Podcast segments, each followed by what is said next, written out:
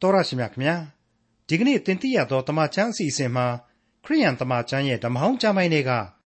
ဒေသနာကျမ်းရဲ့နောက်ဆုံးအခန်းကြီးဖြစ်တဲ့အခန်းကြီး7ရဲ့နောက်ဆုံးပိုင်းဖြစ်တဲ့အခန်းငယ်8ကနေအခန်းငယ်14အထိကိုအပြီးသတ်လေ့လာမှာဖြစ်ပါတယ်။နေအောင်အောက်မှာရှိရှိသမျှဖြစ်ပျက်သမျှအနတ္တဒီအနတ္တအရာတွေကိုသုံးသပ်ဆန်းစစ်နေတာလဲအနတ္တလို့ဒေသနာကျမ်းတစ်လျှောက်လုံးကောက်ချက်ချဖော်ပြခဲ့တဲ့ ဒေသနာဆရာရှောလမုန်မင်းကြီးဟာဒေသနာကျမ်းရဲ့ဏိဂုံးချုပ်မှာတော့အချုပ်အခြာစကားဟုမူကားဖျားသခင်ကိုကြောက်ရွံ့၍ပြည့်ညတ်တော်တို့ကိုစောင့်ရှောက်လော့ဤ၍ကလူနှင့်ဆိုင်သော အမှုအရာအလုံးစုံတို့ကို ချုပ်ချသည်လို့အတီအလင်းကြွေးကြော်ခဲ့ပါတယ်။သူလေ့လာဆန်းစစ်ပြီးကောက်ချက်ချထုတ်ပြန်ခဲ့တဲ့သူ့ရဲ့ဒသနတွေအဘိဓမ္မာတွေဟာလောကဓမ္မအမြင်အရမှန်ကန်ပါတယ်။ဒါပေမဲ့လို့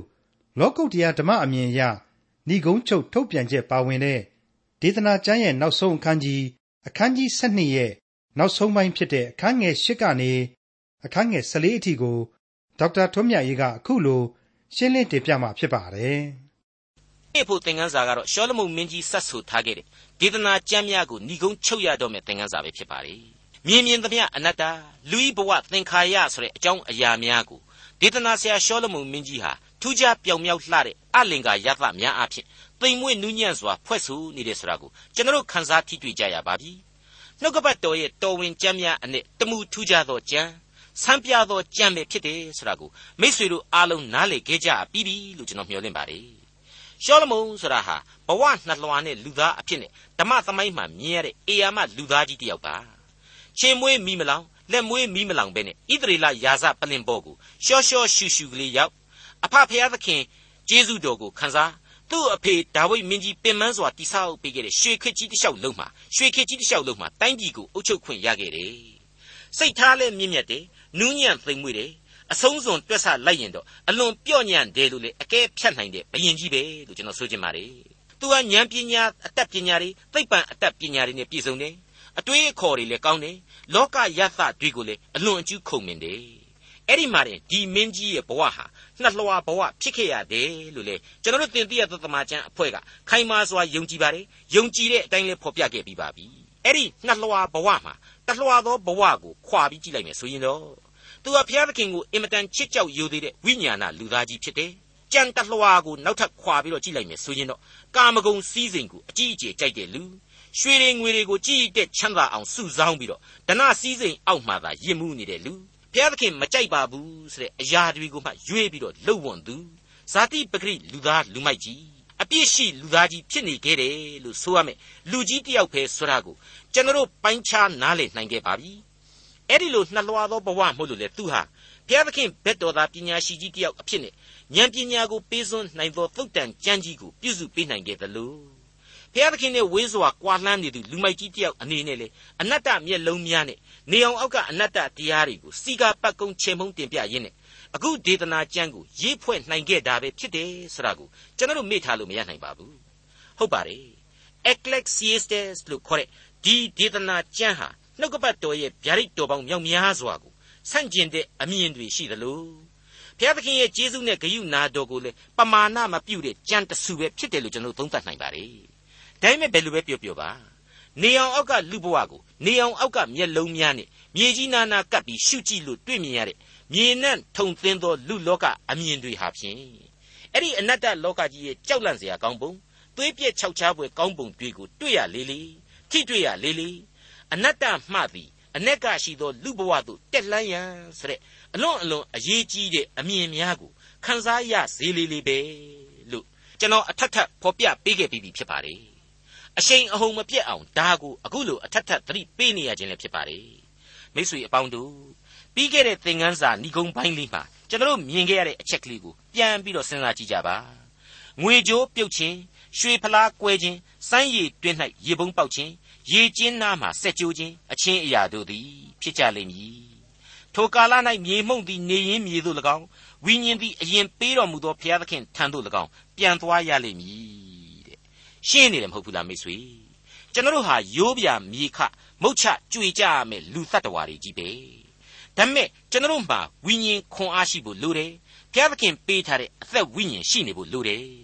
ဘုရားသခင်နဲ့ထိုက်တန်အောင်ပြင်ဆင်ထားဖို့လိုတယ်အစဉ်သဖြင့်ကယ်တင်ရှင်သခင်ခရစ်တော်နှင့်ရှင်သန်ဖို့လိုတယ်အဲ့ဒီအခါမှာတော့သူ့ရဲ့ပြီးခဲ့တဲ့သင်ခန်းစာမှာနောက်ဆုံးတွေ့ခဲ့ရတဲ့အတိုင်းပဲထိုကာလ၌မြေမှုန့်သည်နေရင်မြေသို့ပြန်သွားခြင်းဘုရားသခင်ကျွန်တော်တို့ထံမှုတ်သွင်းပေးသော ဝိညာဏကိုသည်တနည်းအားဖြင့်ဝိညာဉ်သည်အရင်ပေးတော်မူသောဘုရားသခင်ထံသို့မုတ်ချမသွေပြန်သွားရမှာအကန့်အမှန်ပဲဖြစ်ပါလေမိတ်ဆွေအပေါင်းတို့ဒီကနေ့ဒေသနာကျမ်းရဲ့နောက်ဆုံးသင်ခန်းစာကတော့ဒေသနာကျမ်းအခန်းကြီး7အငယ်8ကနေစတင်သွားမှာဖြစ်ပါတယ်အခုလိုစတင်လိုက်ကြပါစို့အနတ္တသက်သက်အလုံးစုံတို့သည်အနတ္တဖြစ်ကြသည်ဟုဓမ္မဒေသနာဆရာဟော၏မိတ်ဆွေနုနုပြိုပြိုကလေးစတင်လိုက်တဲ့သူ့ရဲ့အနတ္တဏိဒန်းကြီးဟာအခုဆုံးငန်းတိုင်ပြီ နောက်ဆုံးတကြော့မှာအဖိုးကြီးဖြစ်နေတဲ့ရှောလမုန်မင်းကြီးစီကထပ်မံထွက်ကြလာတဲ့အကွဲနေသောအသံဆွေးမြေ့ပွေသောရင်နာပွေသောအသံကြီးပါပဲအနတ္တသက်သက်အလုံးစုံတို့သည်အနတ္တဖြစ်ကြသည်ဟုဓမ္မဒေသနာဆရာဟော၏မိတ်ဆွေရှောလမုန်မင်းကြီးရဲ့ဒေသနာကျမ်းကိုရေးဖို့အတွက်စူးစမ်းလေ့လာမှုတွေအကြောင်းကိုပြန်ပြီးတော့စဉ်းစားကြည့်ပါသိပ္ပံအတတ်ပညာတွေအတွေးအခေါ်အမျှော်အမြင်ကြီးတွေဒသနာတွေစီးစိမ်ဥစ္စာတွေ အတ္တစိတ်တွေကံကြမ္မာကိုယိုးမယ်ဖွဲ့ခြင်းတွေအလေအလတ်လန်းစဉ်ကြီးတွေအမျိုးမျိုးနဲ့အသက်တာတစ်ခုလုံးကိုထုံးလို့ချေရည်လိုနှောက်ပြီးတော့လောကသစ္စာတရားကိုရှာဖွေခဲ့ပြီးပြီအဖြေရှာခဲ့ပြီးပြီဘာအဖြေကိုရတယ်လေနေအောင်အောက်မှာကတော့အစစအရာရာဟာအနတ္တကြီးပဲဆိုတဲ့အဖြေကိုသူရရှိလာတယ်ရရှိတဲ့အတိုင်းလေသူတင်ပြထားခဲ့တယ်နေအောင်အောက်ကလောကမြေပြင်မှာဒီတဲ့တော့လေဘာမှပို့ပြီးထူးနိုင်တယ်ဆိုတာမရှိပါဘူး အဲ့ဒီလိုထူးနိုင်ပွဲမရှိတာကြီးကိုရှာဖွေရခြင်းဒီပင်လျင်အနတ္တတက်တက်ပဲဆိုတာကိုလေသူဖော်ပြပေးခဲ့ပါပြီဒေသနာကျမ်းအခန်းကြီး1အငယ်16နဲ့18မှာဆိုရင်ပညာတရားကို၎င်းလျှက်ပေါ်ခြင်းနှင့်မိုက်မဲခြင်းတို့ကို၎င်းပိုင်းခြား၍သိအံ့သောငါငါသည်နှလုံးထား၏ထိုအမှုသည်လည်းလေကိုကျက်စားသောအမှုဖြစ်သည်ကိုရိပ်မိ၏အကြောင်းမူကားပညာများလျင်ညိုညင်စရာအကြောင်းများ၏သိပ္ပံအတတ်တိုးပွားသောသူသည်ဝန်နေခြင်းတိုးပွားတတ်၏ ကဲဒီပညာဉာဏ်နဲ့ဒီအနတ္တကိုရှာဖွေရခြင်းသည်ပင်လျှင်လေကိုကျက်စားသောအမှုတဲ့ကန့်ကိုကုံရောမဟုတ်ဘူးလားပြီးတော့တခါဒေသနာကျမ်းအခန်းကြီး2အငယ်16နဲ့19မှာကြတော့ထိုမှတပါငါသည်နေအောက်မှကြိုးစားအားထုတ်သောအမှုအလုံးစုံတို့ကိုငါညည်းငွေရသောအကြောင်းဟုမူကားထိုအမှုကိုငါနောက်မှဖြစ်လက်တန်သောသူအဖို့ငါခြံထားရမည်ထိုသူသည်ပညာရှိမည်လောမိုက်မည်လောဟုအဘယ်သူပြောနိုင်သနည်း ထိုသူသည်ငါကြိုးစားအားထုတ်သမျှနေအောက်မှငါပညာကိုထေရှားပြလေသမျှသောအမှုတို့ကိုအစိုးရလိမ့်မည်ထိုအမှုအရာသည်လေအနတ္တဖြစ်၏တဲ့မိတ်ဆွေအဲ့ဒီလောက်ထိအနတ္တတရားများဝိုင်းဝိုင်းလေနေတဲ့အကြောင်းကိုဖော်ပြရင်းနဲ့အနတ္တတရားများကိုသာယာနှုံးပြည့်ရှုမြင်ထိတွေ့ခံစားနေရတဲ့အဖိုးကြီးရှောလမုန်ဟာလောကရန်လူသားတို့ရဲ့ထုံးစံအတိုင်းသူ့အဖေဒါဝိမင်းကြီးဖော်ပြခဲ့တဲ့အတိုင်းပဲပေါ့ မြေကြီးသားတို့သွားရလမ်းကိုသွားဖို့အချိန်ဟာနိကပ်နေပြီအဲ့ဒါကိုပြီးခဲ့တဲ့သင်ခန်းစာတွေအရာကျွန်တော်အကဲဖြတ်နိုင်ခဲ့ပါပြီသူ့ကိုယ်သူလည်းသူသိတဲ့အတွက်ကြောင့်သူ့ခံစားချက်တွေနဲ့အရင်ပြုပြီးတော့မှပြီးခဲ့တဲ့သင်ခန်းစာမှာဇရာအိုတယောက်ရဲ့အိုမင်းရင်ရောမှုတွေသေဆုံးချိန်မှာမလွဲဧကံဖြစ်ပေါ်လာမယ့်အချက်တွေကိုစိုးဖွဲ့ခဲ့ပြီးပြီဆိုတာကိုကျွန်တော်တို့တွေ့ကြရပြီဖြစ်ပါတယ်ဒေသနာကျမ်းအခန်းကြီး7အငယ်9ကိုဆက်ကြပါအောင်စို့ ဓမ္မဒေသနာဆရာသည်ပညာရှိသည့်အတိုင်းပရိသတ်တို့အားပညာအတတ်ကိုသွန်သင်လိရှိ၏လုံလဝရိယပြုလျက်များစွာသောသုတ်တန်စကားတို့ကိုရှာဖွေ၍စီရင်၏အခုအပိုင်းမှာရှောလမုန်ဖော်ပြလိုက်တာကတော့သူစီရင်ရေးသားခဲ့တဲ့သုတ်တန်ကျမ်းများနဲ့ပတ်သက်ပြီးတော့သူဟာစွဲစွဲလန်းလန်းရှိနေတယ်အထူးပြုနေတယ်ဆိုတာကိုဖော်ပြလိုက်ပါတယ်မိတ်ဆွေအပေါင်းတို့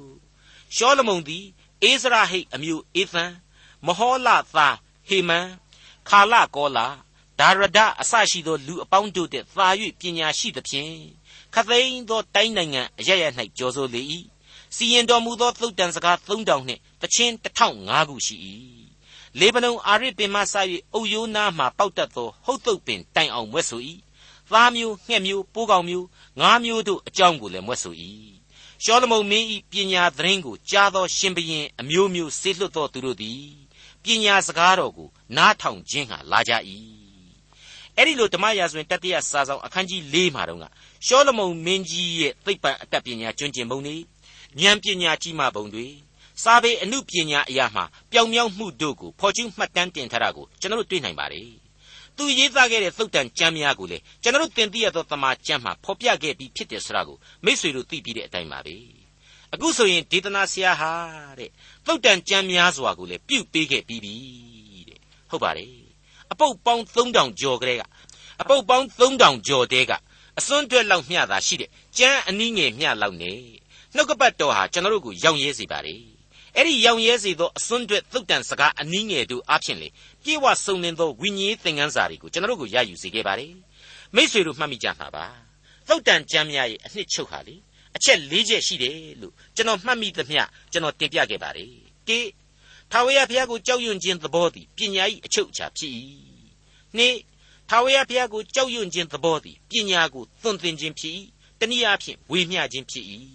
၃ထာဝရဘုရားကိုကြောက်ရွံ့ခြင်းသဘောသည်ဒုစရိုက်ကိုရှောင်ခြင်းဖြစ်၏၄ထာဝရဘုရားကိုကြောက်ရွံ့ခြင်းသဘောသည်အသက်ရှင်ခြင်းနှင့်ဆက်ဆိုင်၏တဲ့အဲ့ဒီအချက်၄ချက်ကိုသုတ်တန်ကျမ်းများဟာဖော်ပြပေးခဲ့ပြီးပါပြီအခုဆိုရင်ဒေသနာဆရာဟာသူ့ရဲ့အဲ့ဒီသုတ်တန်ကျမ်းတွေကိုပြန်ပြီးတော့အမှတ်တရရှိနေတယ်ဒေသနာကျမ်းအဖြစ်ဒီသုတ်တန်စကားတွေကို အောက်မေ့စေခြင်းတယ်လို့ကျွန်တော်ခံယူမိပါတယ်မိတ်ဆွေကျွန်တော်ကဒီနေရာမှာဒေသနာဆရာကိုတွားပြီးတော့တူတာတော့မဟုတ်ဘူးကို့ဘဝသင်ခန်းစာကိုလည်းဖော်ပြပေးခြင်းပါတယ်ကျွန်တော်ဟာစာရေးဆရာတယောက်ဖြစ်ပါတယ်ဝတ္ထုပေါင်းမြောက်များစွာကိုရေးခဲ့ပူပါတယ်ဒါပေမဲ့ကျွန်တော်လွန်ခဲ့တဲ့တစ်နှစ်လောက်ကရေးခဲ့တဲ့အရာတွေကိုတောက်မှကျွန်တော်ဟာကောင်းကောင်းပြန်ပြီးမမှတ်မိတာတွေဟာအများကြီးပဲဘာဖြစ်လို့လဲဆိုတော့ကျွန်တော်ရေးခဲ့ဓာတ်တွေဟာဝိညာဉ်အရှိန်တကူမပြင်းထန်လို့လို့ကျွန်တော်ခံယူပါတယ် မိတ်ဆွေအပေါင်းတို့အခုဒေသနာဆရာကတော့သူရေးခဲ့တဲ့သုတ်တန်ကျမ်းတွေကိုသူဟာသူ့ရဲ့ဒေသနာကျမ်းဏီကုန်းပိုင်းမှာပြန်ပြီးတော့လွန်းဆွတ်တယ်အမှတ်တရရှိလာတယ်ဒီနည်းအားဖြင့်လေဒေသနာကျမ်းအားဖြင့်သူ့သုတ်တန်စကားတွေကိုပြန်လဲအောက်မေ့စေခြင်းတယ်လို့ကျွန်တော်ခံယူမိပါတယ်ဒေသနာကျမ်းအခန်းကြီး7အငယ်30နဲ့17ဓမ္မဒေသနာဆရာသည်နားထောင်ပွေသောစကားကိုရှာ၍ရေးထားချက်စကားသည်ဖြောက်မတ်သောစကားသမာစကားဖြစ်၏ ပညာရှိသောသူ၏စကားသည်ဒုတ်ချွန်နှင့်၎င်းတပါးရီသောသိုးရင်းကြီးအပ်ပေးတော်မူ၍ပရိသတ်အုတ်တုရိုက်ထားသောတန်ကြွနှင့်၎င်းတူ၏မိษွေတော်တတ်ရှင်အပေါင်းတို့ခမညာအဖထာဝရမြတ်စွာဘုရားရဲ့မေတ္တာတော်အရေးလုံးဝမဟုတ်တဲ့နေရာကနေရှုမြင်သုံးသပ်ခြင်းကောင်းကင်ဘုံမြင့်မြတ်ရာအရက်ကအမြင်နဲ့လေ့လာရှုကြည့်ခြင်းလည်းမဟုတ်တဲ့အမြင်နဲ့လေ့လာခြင်းနေအောင်အောက်ကဇာတိပဂရိမြေသားအမြင်လောကရန်လူသားရဲ့အမြင်နဲ့သားလျင် လောကမြင်ကွင်းများအဖြစ်ရှုမြင်သုံးသပ်ပြီးတော့မြေလောကကိုရှာဖွေမှွေနှောက်ခဲ့လေတော့အကုန်လုံးဟာအနတ္တသဘောကြီးပဲဖြစ်နေတယ်အနတ္တတရားအတိုင်းသာအဖြေတွေဟာပေါ်ထွက်နေရတယ်ဆိုတာကိုအနတ္တသမားကြီးဟာခန်းစားထိတွေ့လာရဟန်ရှိတယ်လို့ကျွန်တော်ယင်ထဲမှာတွေးမိပါတယ်ခန်းစားမိပါတယ်တနည်းအားဖြင့်တော့ရှောလမုန်ရဲ့မသိစိတ်အတွင်းမှာစိတ်လှုပ်ရှားခြင်းရှိဟန်တူတယ်ဘုရားသခင်ရဲ့ကျေးဇူးနဲ့ဂရုဏာတော်ကယ်တင်ရှင်တရားရဲ့ကြီးမားသောအနန္တတန်ဖိုးတို့ကိုမထက်သွင်းဘဲနဲ့ လူဘဝဆိုတာဟာအရာရာမှာအနတ္တကြီးပါပဲကွာပျော်ပြီးရင်ပျော်မွေ့ပြီးတာနေကြကောင်းတာသာလို့မှန်တာသာပြောအဲ့ဒါဆိုရင်ပြီးတာပဲစသည်စသဖြင့်အနတ္တလောကကိုရင်ဆိုင်ရာနီလန်းများနဲ့လှိုင်လှိုင်ဝေးနေအောင်ထုံမွန်းဖော်ပြခဲ့ခြင်းတွေနဲ့ပတ်သက်ပြီးတော့ဒေသနာဆရာရှောလမှုမင်းကြီးတယောက်စိတ်ထဲမှာမသိုးမသန့်ဖြစ်ခဲ့လေသလားလို့ကျွန်တော်တွေးမိပါတယ်ငါစကားတွေဟာဖြောင့်မှန်တယ်သစ္စာစကားတွေဖြစ်ပါတယ်တမာတရားတွေလို့လည်းဆိုခြင်းပါတယ်ပညာရှိသောလူတစ်ယောက်ရဲ့စကားလို့ ဒုတ်ချွန်ပမာစုနဲ့ထိရောက်ပါတယ်တဲ့အဲ့ဒီလိုဖော်ပြပေးလိုက်ပါတယ်မိတ်ဆွေဒါဟာအင်မတန်မှန်ကန်တဲ့တင်ပြချက်လို့ကျွန်တော်ခံယူပါတယ်အဲ့ဒီအနတ္တတရားကိုအနတ္တအမြင်နဲ့သူရေးတာကိုကျွန်တော်တို့ကဒီအတိုင်းတရသေးမစွဲယူရဘူးကျေးဇူးဂရုနာတော်နဲ့ဖြည့်ဆွက်ကြရလိမ့်မယ်ကဲတင်ခြင်းလမ်းကြောင်းဘောကိုရောက်ရှိပြီးသားကဲတင်ခြင်းကျေးဇူးကိုခံစားရပြီးသားလူတစ်ယောက်အနေနဲ့သာလျှင်ဒီအနတ္တဝါဒကိုလေ့လာကြရလိမ့်မယ် အဲ့ဒီလိုဖြည့်ဆွက်လေ့လာလိုက်တဲ့တပြိုင်နက်အနတ္တလောကဟာချက်ချင်းပဲအနန္တမေတ္တာတော်ကိုမြင်ပြီးတော့အ ਨੇ ကအသက်လန်းကိုရှာဖွေတွေ့ရှိလာစေလိမ့်မယ်မြင်ကွင်းဟာအလွန်မွန်မြတ်သွားလိမ့်မယ်မဟာဆန်သွားလိမ့်မယ်ဘုံတော်ရောင်ချီကိုပါတွေ့ရလိမ့်မယ်အဲ့ဒါမှလည်းဒီအနတ္တတရားဒေသနာဟာဘုရားသခင်ကနေပြီးတော့အသက်လန်းကိုဖော်ပြသောဒေသနာဖြစ်လာရလိမ့်မယ် တမှုထူးခြားသောအေယာမဝိညာဉ်အသစ်တရားကြီးကိုဖော်ပြပေးစေလိမ့်မယ်လို့ကျွန်တော်တို့ကိုဒေသနာဆရာကနေပြီးတော့သတိပေးလိုက်တဲ့အတူတူပါပဲငါစကားတွေဟာဖြောင့်မှန်တယ်သစ္စာစကားတွေဖြစ်တယ်တမာတရားတွေလို့လည်းဆိုခြင်းနဲ့ပညာရှိသောလူတစ်ယောက်ရဲ့စကားလို့ဒုတ်ချွန်ပမာစူးနဲ့ထိရောက်ပါတယ်တဲ့ကျွန်တော်ဟာလွန်ခဲ့တဲ့သင်ခန်းစာတွေတုန်းကအနတ္တလူသားကြပြာဆရာတယောက်ရဲ့လင်္ကာတပုတ်ကိုကျွန်တော်ဘာသာပြန်ခဲ့မှုတဲ့အကြောင်းတင်ပြရင်းနေ အဲ့ဒီကြပြာရဲ့အနှစ်သာရကိုပါဖော်ထုတ်ပေးခဲ့ပြီးဖြစ်ပါတယ်အဲ့ဒီကြပြာဟာလွန်ခဲ့တဲ့နှစ်ပေါင်း200ကျော်လောက်ကရှင်သန်ခဲ့တဲ့ပါစီဘီရှီရှယ်လီဆိုတဲ့အချစ်ဘွဲ့ကြပြဆရာတယောက်ရဲ့ကြပြဖြစ်ပါတယ် Poet's Dream ခေါ်စာစုပ်အိမ်မက်ဆိုတဲ့ကြပြလေးဖြစ်တယ်ဆိုတာတွေ့ကိုကျွန်တော်ဖော်ပြပြီးခဲ့ပါပြီအဲ့ဒီကြပြဟာအခုလိုဖြစ်တဲ့အကြောင်းကိုလေကျွန်တော်တင်ပြပေးခဲ့ပါတယ်စာစုပ်အိမ်မက်အချစ်ဝိဇ္ဇာငါဆရာဤလိပ်ပြဝိညာဉ်ခရီးနှင့်မြည်အစဉ်သင် ညင်သာစည်းချက်ဝင်ထွက်သက်ကိုမင်းနာဆွင်ကြပြနှုတ်ခမ်းများအကြအတောင်ပံဖွင့်လောကကဘာကိုတန်လျက်ထင်မရှာခြင်းမတွေ့ခြင်းမနာခုခြင်းရင်သိမ့်တုံပွဲအတွေးနယ်ဤအရေးများလျင်ကောင်းကင်ဘုံရနသင်းပြန့်သောအနမ်းများနှင့်သူ့အားပွေဖက်တရှိုက်မက်မက်အသက်ဝင်စီးစာနှစ်ခုအလေတွင်အိုငါဝိညာဉ်ပန်းဤယမုံအာမုံတို့အကြပြားပရုံများပြန်သွားသည်ပင် ရေပြင်းမှန်ချက်အလင်းဟပ်၍တစ်ဖြတ်ဖြတ်တောက်ပါစဉ်အပြင်ပန်းအမြင်ပါမျှမဆန်းပေမေလေလွင့်လိပ်ပြသင်္ကာရသအလှဖန်ဆင်းအသက်သွင်းငါအားဆောင်ခြင်းခရီးပြင်းတန်လျက်မဟုတ်လူမလုတ်သည့်နေဆဒူဝရှင်သန်ခြင်းဆက်ရှိရာစုခေတ်အင်္ဂလိပ်လူမျိုးကြပြဆရာကြီးပါစီဘီရှီရှယ်လီရဲ့ Poet's Dream ကိုဘာသာပြန်ဆိုထားခြင်းပဲဖြစ်ပါတယ်မိတ်ဆွေ အဲ့ဒီကြပြဟာအနတ္တမှအနက်ကအနက်ကသို့ဆိုတဲ့ရည်မှန်းချက်နဲ့ရည်ညွှန်းထားသောကြပြပဲဖြစ်ပါတယ်အနတ္တတရားဖြစ်သောလူသားဤအ ਨੇ ကတန်ဖိုးရှိသောအသက်တာအကြောင်းပဲမြေမှုန့်မှသည်မြေအောက်စီတို့သာသွားရယူလူဘဝရဲ့အနာဂတ်အရေးမှာနေဆဒူဝရှင်သန်ခြင်းရှိတဲ့အကြောင်းကိုဘုရားသခင်ရဲ့ကျေးဇူးတော်တည်နေကြောင်းကိုဖော်ကျူးလိုက်သောလင်္ကာလို့လည်းဆိုလို့ရနိုင်ပါ रे ဒီလင်္ကာရဲ့အနှစ်သာရဟာတကယ်တော့အနတ္တမြေသားတို့အဖို့မျှော်လင့်ချက်ဘလောက်ကြီးမားတယ် သေပြစ်ဒဏ်ကိုမလွှဲမရှောင်သာခံယူရပြီမေ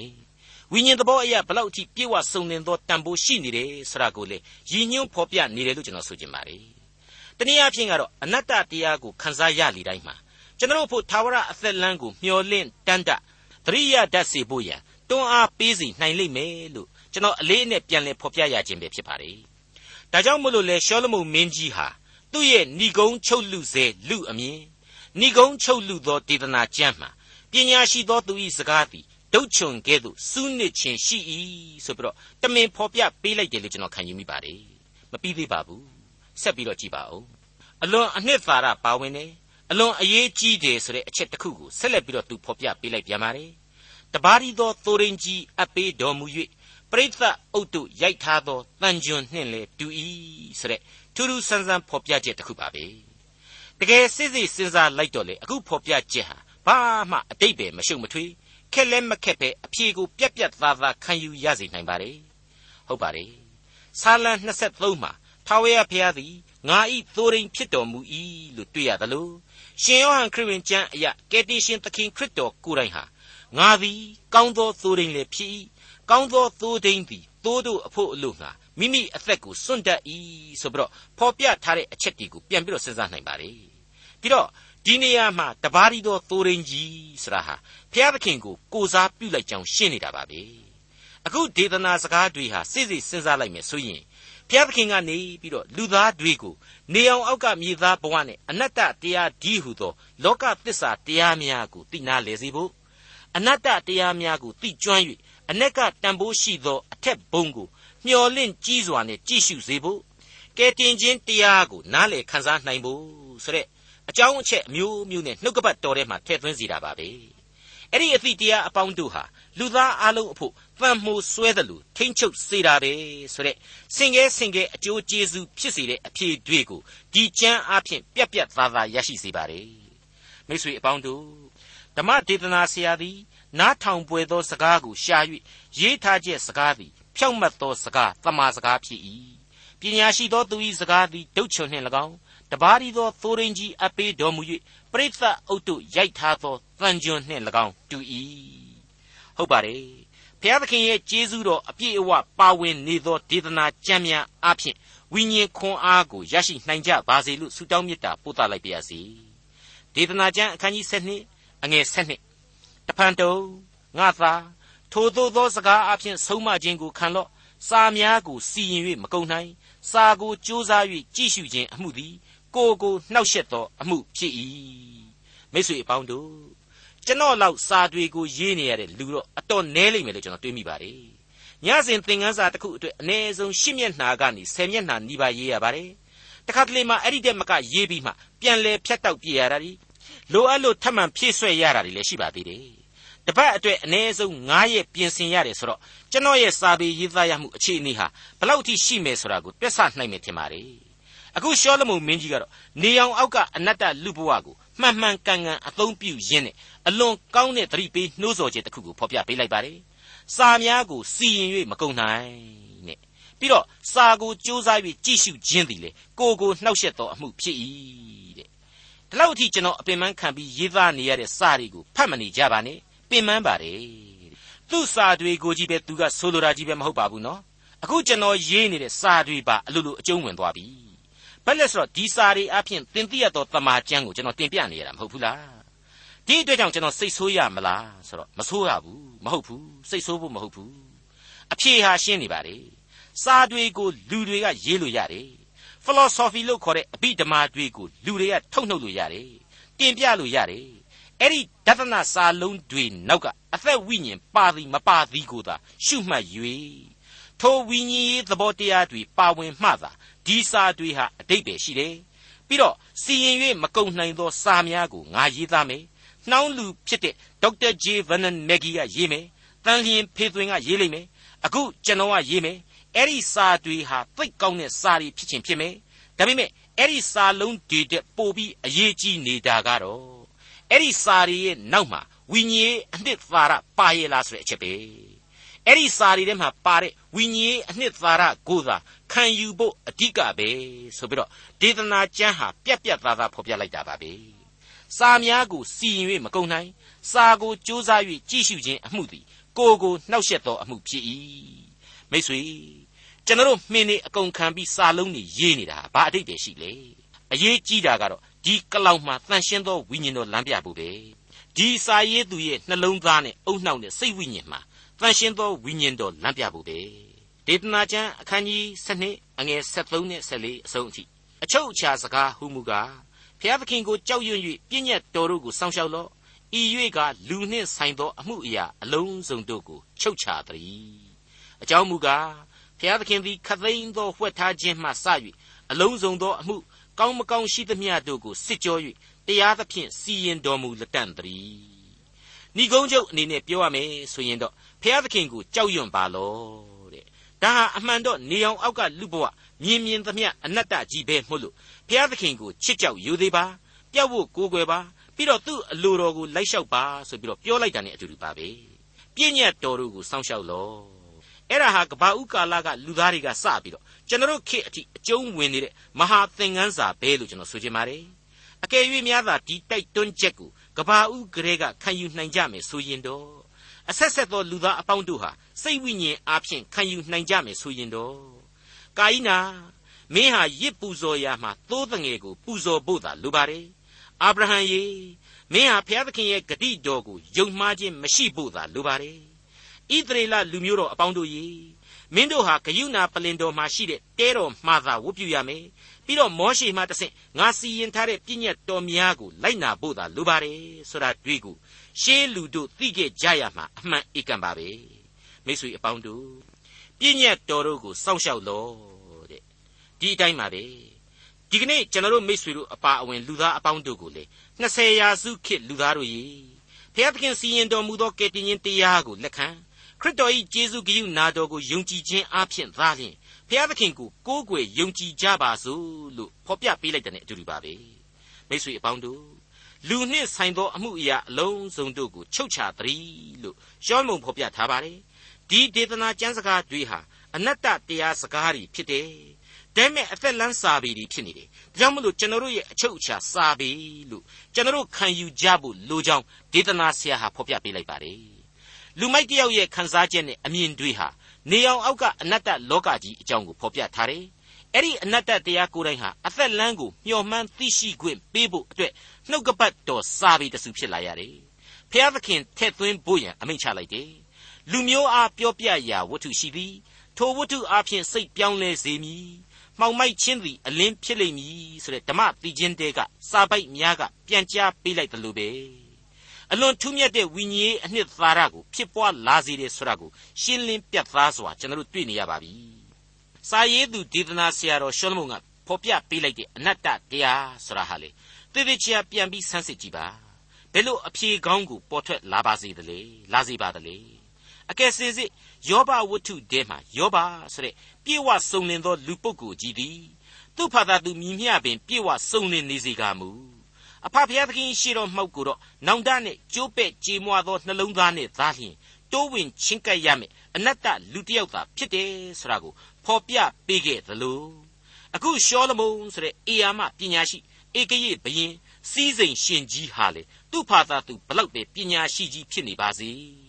အဖဖျားသခင်ရဲ့ရှေ့တော်မှောက်မှာကတော့အနတ္တသတ္တဝါအပုတ်ကောင်ရုပ်ဆောင်နေရသူလူသားတစ်ယောက်သာဖြစ်တယ်ပါမွားတကောင်သာဖြစ်တယ် ကဲတင်ရင်ကျေးဇူးတော်နဲ့ဘုရားသခင်ရဲ့ချစ်ချင်းမြတ်တာတော်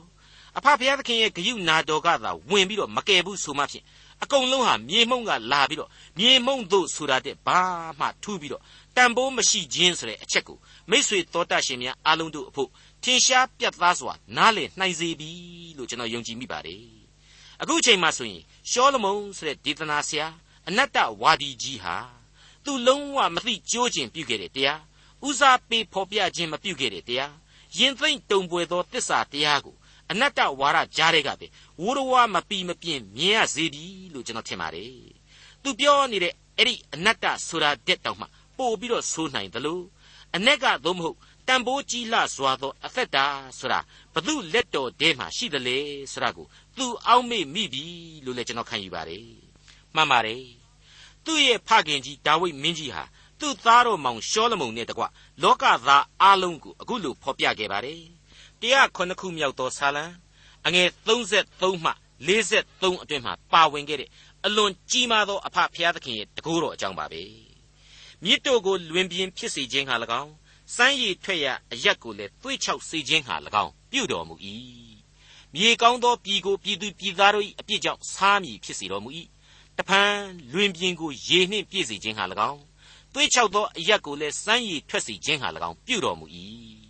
ထိုအရက်၌လည်းငတ်မွတ်သောသူတို့ကိုနေရာချတော်မူ၍သူတို့သည်မိမိနေစရာဘို့မြို့ကိုတည်ကြ၏လေလုတ်လျက်စပြည့်ဥယင်ကိုလည်းစိုက်ပြုလျက်မြေအသီးအနှံတို့ကိုပြုစုကြ၏ကောင်းကြီးပေးတော်မူ၍သူတို့သည်အလွန်ပွားများကြ၏သူတို့သိုးနွားများကိုလည်းယော့စေတော်မမူတဖန်သူတို့သည်ယော့၍ညှင်းဆဲခြင်းညိုညင်ခြင်းစိတ်ပူပန်ခြင်းအပြင်နှိမ်ချလျက်နေရကြ၏ မင်းသားတို့ကိုအရှက်ခွဲ၍လမ်းမရှိသောတောအရ၌လဲစေတော်မူ၏ဆင်းရဲသောသူကိုလည်းဒုက္ခမှထမြောက်စေ၍သိုးစုကဲ့သို့အိမ်တောင်ပွားများစေတော်မူ၏ဖြောင့်မတ်သောသူတို့သည်မြင်၍ဝမ်းမြောက်ကြ၏ခသိန်းသောဒုစရိုက်သည်လည်းမိမိနှုတ်ကိုပိတ်ရ၏အကျဉ်သူသည်ပညာရှိထိုသူသည်ဤအမှုအရာတို့ကိုဆင်ခြင်၍ထာဝရဘုရား၏ဂရုဏာကျေးဇူးတော်ကိုနားလေလိမ့်မည်အဲ့ဒီလိုဖော်ပြခဲ့ခြင်းဖြစ်ပါတယ် မိษွေတော်တတ်ရှင်အပေါင်းတို့နေအောင်အောက်ကအနတ္တလောကမှာပဲကျွန်တော်တို့ဟာတိမ်မြုပ်ပျောက်ွယ်နေကြမလားအဲ့ဒီနေအောင်ချီထွန်းတောက်တဲ့ကောင်းကင်ကိုပဲမျှော်ကြည့်ကြမလားဆိုတာကိုကိုကိုစဉ်းစားဖို့လိုပါတယ်မိုးကောင်းကင်သည်ဖျားသခင်၏ဘုံအသရေတော်ကိုကြားပြော၍မိုးမျက်နှာကျက်သည်လက်တော်နှင့်လှုပ်သောအရာများကိုပြသ၏တနေ့ကိုတနေ့မွဲ့ဆို၍တညကိုတညသွန်သင်၏နှုတ်မွဲ့ခြင်းစကားပြောခြင်းမရှိသူတို့နှုတ်ထွက်သံကိုမကြားရတော့လေ သူတို့၏အသံသည်မြေတပြင်လုံး၌နှံ့ပြား၍သူတို့၏စကားသည်မြေကြီးစွန်းတိုင်အောင်ရောက်လေ၏မိษွေတော်တတ်ရှင်အပေါင်းတို့ခမညာအဲ့ဒီလိုဘုံတော်ကြီးမြတ်တော်မူသောအဖဖျားသခင်ရဲ့ကျေးဇူးနဲ့ဂရုနာတော်အကြောင်းကိုရှောလမုန်မင်းကြီးဟာဒေသနာကျမ်းဏိဂုံးမှာတော့ခန်းစားထိတွေ့ရပြီလို့ကျွန်တော်ခံယူပါတယ်။ဒါကြောင့်မို့လို့ဒေသနာကျမ်းရဲ့ဏိဂုံးကိုသူချုပ်လိုက်တာကတော့အချုပ်အခြာစကားဟူမူကားဘုရားသခင်ကိုကြောက်ရွံ့၍ပြည့်ညတ်တော်တို့ကိုစောင့်ရှောက်လော့ ဤ၍ကလူနှင့်ဆိုင်သောအမှုအရာအလုံးစုံတို့ကိုချုပ်ချသည်အကြောင်းမူကားဘုရားသခင်သည်ခသိန်းသောဖွက်ထားခြင်းမှစ၍အလုံးစုံသောအမှုကောင်းမကောင်းရှိသမျှတို့ကိုစစ်ကြော၍တရားသဖြင့်စီရင်တော်မူလက်တန့်သည်ဒေါက်တာထွန်းမြတ်၏စီစဉ်တင်ဆက်တဲ့တင်ပြရသောတမချန်းအစီအစဉ်ဖြစ်ပါတယ်ခရိယန်တမချန်းရဲ့ဓမ္မဟောင်းကျမ်းပိုင်းတွေကဒေသနာကျမ်းကိုလေ့လာပြီးစီးခဲ့တဲ့နောက်မှာတော့ခရိယန်တမချန်းရဲ့ဓမ္မဟောင်းကျမ်းပိုင်းတွေက ရှောလမုန်သခြင်းကိုဆက်လက်လေ့လာသွားမှာဖြစ်တဲ့အတိုင်းနောက်တစ်ချိန်အစီအစဉ်မှာရှောလမုန်သခြင်းလေ့လာမှုဏ္ဍန်ပထမပိုင်းကိုစောင့်မျှော်နားဆင်နိုင်ပါတယ်။